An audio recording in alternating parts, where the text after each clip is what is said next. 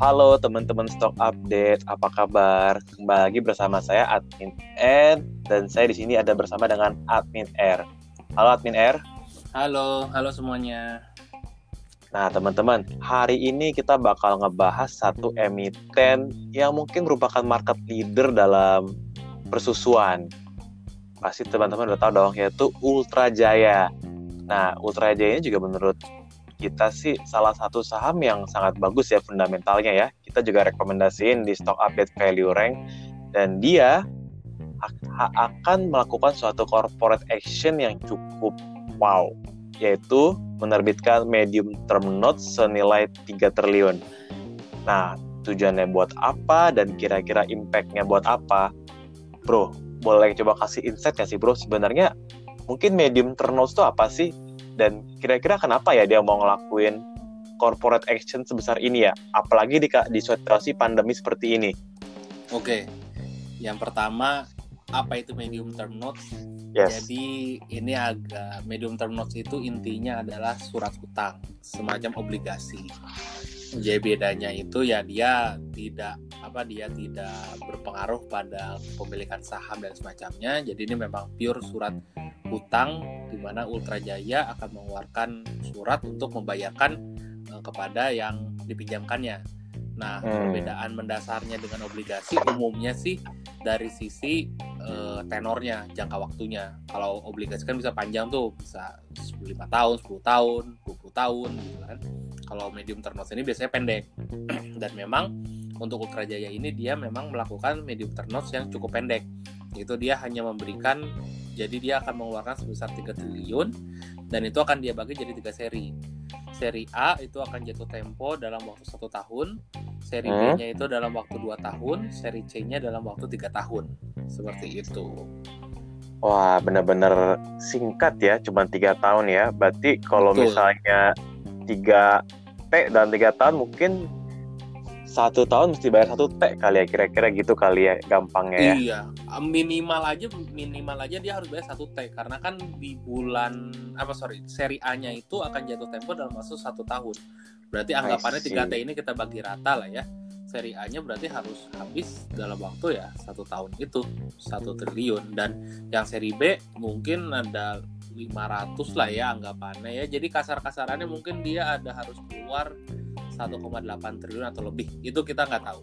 Apakah yes, memang benar-benar yes. seperti itu atau tidak karena dari pihak Ultra Jayanya belum memberikan informasi mengenai uh, detailnya lah detail schedule-nya seperti itu pembayarannya gitu. Kira-kira kalau teman-teman stop update di sini pengen beli M10 Ultra Jaya itu bisa nggak sih bro? Karena nah. kan di sini kita ngeliat ini emiten ya. bagus ya dan returnnya juga cukup tinggi ya. Kalau nggak salah 8,5 persen ya, bener nggak sih? ya sebetulnya kalau secara uh, kalau kita lihat memang secara PT dia termasuk yang bagus ya maksudnya dari dari segi uh, bisnisnya dari segi perusahaannya ini dia return on equity-nya aja termasuk salah satu yang tinggi lah selalu di atas uh, selalu double digit. Kayak historinya yes. dia bisa 15 20 selalu dan dia termasuk market leader. Sayangnya untuk MTN ini memang tidak terbuka untuk umum. Jadi biasanya yang terjadi kalau kita baca ya secara teori ya gue juga nggak pernah punya jujur ya. Jadi memang uh, MTN ini biasanya udah ada yang mau beli nih dan biasanya sedikit jumlahnya. Mungkin kayak mungkin maksimal 50 orang 100 orang 50 institusi atau 100 institusi. Jadi udah ada yang punya dan rata-rata memang yang beli ini udah standby lah. Jadi penawaran ini ya semacam uh, ya inilah apa semacam formalitas kali ya dalam tanda kutip dan penawaran ulang ke orang-orang biar mau beli seperti itu. I see. Bro, kalau gue lihat di laporan keuangan sebenarnya kan dia ini utangnya dikit banget ya bro ya. ya. Dia tuh kita lihat rasio debt to equity-nya tuh cuma 0,2 tuh. Betul. Kalau misalnya dia tiba-tiba pinjam 3T, ini kan kira-kira mungkin akan membuat seakan-akan hutangnya tinggi ya bro ya. Ya. Nah, gue pengen tahu nih bro, kira-kira ini impactnya ke laporan keuangan akan bagaimana ya? Terus kira-kira uangnya ini buat apa sih dipakai ini MTN-nya bro? Nah itu pertama ya kalau kita lihat dari mau dipakai untuk apa sih? Nah Ultra Jaya sebetulnya memberikan penjelasan. Penjelasan dia adalah ini memang dipakai untuk kegiatan operasional perusahaan. Dia mau melakukan investasi lebih mengenai uh, sapinya dan juga perkebunan dan juga untuk produksinya. Nah, ini yang menarik uh, dan menjadi plus point utama. Kenapa? Karena sebetulnya medium terms ini kan dua sisi ya, bro. Dan untuk teman-teman stock update juga, sebetulnya satu sisi bisa dipakai untuk membayar hutang, uh, istilahnya semacam refinancing lah. Mungkin kalau kita punya utang misalnya terus mau perpanjang ya kita cari kayak kita cari orang lain untuk beli utang kita terus kita konversi biar lebih panjang jangka waktunya. Yes. Nah dia tidak di sini karena memang Ultra Jaya ini kalau kita lihat secara posisi keuangan itu memang dia memiliki kecil sekali uh, hutang hutang bank itu dia hampir visi hampir nol lah sebetulnya. Dia ada sekitar 2 miliaran aja seperti itu. Nah jadi memang uh, pembelian MTN ini cukup menarik. Karena saat ini sebetulnya secara histori Ultra Jaya itu terkenal uh, posisi kasnya dia itu selalu kas ya kita bicara ya kasnya hmm. duit duit cairnya dia itu lebih besar daripada hutang dia secara keseluruhan liabilitas hmm. jangka pendek jangka panjang mungkin nanti buat teman-teman kalau mau tahu lebih detail bisa ikut consulting class sama kita atau ikut yang stock updated value classnya nah nah yang menarik itu adalah kalau kita lihat aset lancar atau uh, ibarat kata uh, sorry aset tidak lancar ya. Jadi di sini itu ada ya sapinya dia, ada pabriknya dia. Saat ini jumlahnya itu hanya sekitar 1,8 T. Hmm. Itu adalah per posisi September 2020. Artinya apa? Artinya kalau dia beli term note sampai 3 triliun untuk membeli apa untuk ekspansi, ini ekspansi super besar-besaran sih. Yes ibarat kata ini menggelembungkan aset dia sampai mencapai hampir tiga kali lipatnya. Dua kali lipat lebih. Begitu. Nah apa yang dilakukan? Nah itu yang kita nggak tahu.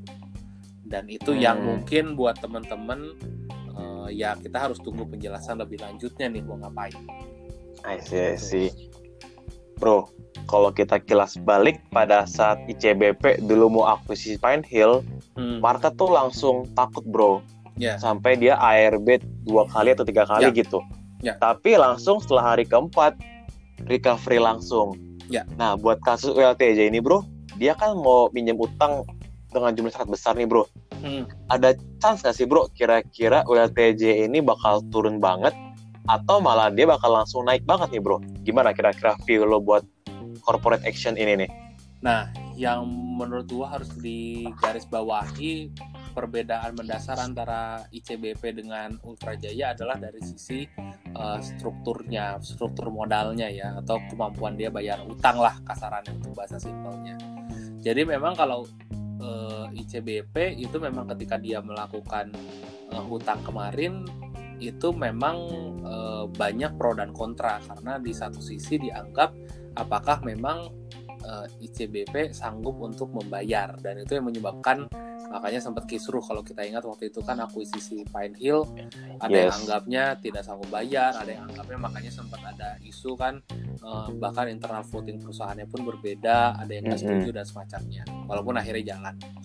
Nah dan itu disindikasi oleh bank-bank internasional perbedaannya dengan ULTJ memang ULTJ di sini mereka memiliki uh, saldo apa struktur modal yang sangat sehat. Sebetulnya kalau kita lihat uh, secara histori uh, per Desember 2019 saja kas mereka itu ada 2 T. Memang pada saat hmm. pandemi ini September ini dia hanya 710 miliar. Itu disebabkan karena dia banyak melakukan stok buyback. Kalau kita lihat laporan keuangannya. Nah, artinya apa sebetulnya Ultra Jaya itu memiliki kemampuan untuk membayar. Jadi kalau ibarat hmm. katanya hmm. uh, bego-begoannya tadi kita anggap satu triliun yang harus dibayar uh, akhir tahun karena kan cuma satu tahun ya ya Putra Jaya punya kemampuannya seperti I see, I see. dan justru yang menarik dengan kita lihat uh, akuisisi yang sampai menggelembungkan asetnya lebih dari besar ya kita bisa lihat ya ini apa uh, lebih besar daripada aset tetap yang dia punya sekarang ditambah lagi juga posisi dia market leader dan ditambah terutamanya PD-nya Ultra Jaya bahwa dia bisa lunasin dalam waktu tiga tahun kayaknya dia memang melihat ada lonjakan profit yang akan sangat besar nih kayaknya. I see. Berarti kalau boleh kusimpulin, kalau ngomongin kemampuan bayar, jangan diragukan ya buat Ultra Jaya ya. Betul. Berarti buat teman-teman stok update, kalau misalnya nanti market panic selling, mungkin itu akan jadi momen yang bagus buat kita beli at diskon kali ya bro ya. Betul, tapi kita lihat satu hal. Yang paling kita harus lihat adalah apa yang dilakukan oleh Ultra Jaya terhadap dananya ini.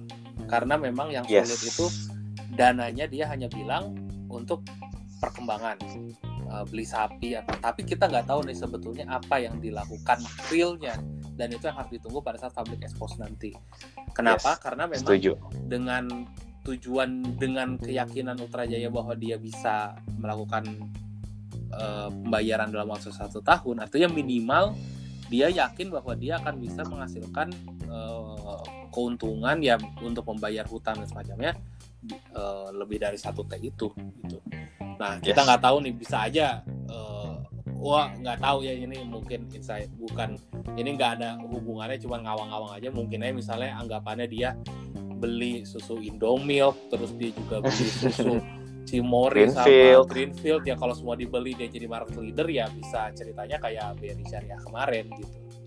Yes yes yes. Ya. Benar benar benar. Karena kita tuh membeli saham tuh membeli masa depan juga ya bro ya. Betul. Jadi memang dilihat nanti kalau misalnya memang ternyata malah mengakibatkan indikasi likuiditas yang kurang bagus atau ternyata dia malah kesulitan membayar, nah itu yang kita harus waspada sih. I see. Berarti kalau buat menurut lu bro, rekomendasi buat teman-teman stock update gimana nih? Kira-kira buy atau hold dulu nih? Kalau untuk saat ini sarannya hold dulu. Kalau menurut gue hold pribadi. dulu ya. Karena kita masih belum dapat penjelasan yang jelas mengenai rencana perusahaan ini apa untuk uh, pengeluaran medium term notes ini. Once uh, kita dapat clear example dan penjelasan mengenai perencanaan penggunaannya, baru kita bisa bahas apakah bisa investasi lanjut atau tidak seperti itu. I see. Oke, okay, thank you Admin R atas informasinya. Buat teman-teman stock update, boleh dipantau terus sama LTJ. Kalau misalnya ada insider information, boleh juga DM kita. Siapa tahu kita bisa berbagi ilmu bareng-bareng. Oke, okay, thank you Admin R. Oke, okay, thank, thank you teman-teman. Dadah. Bye.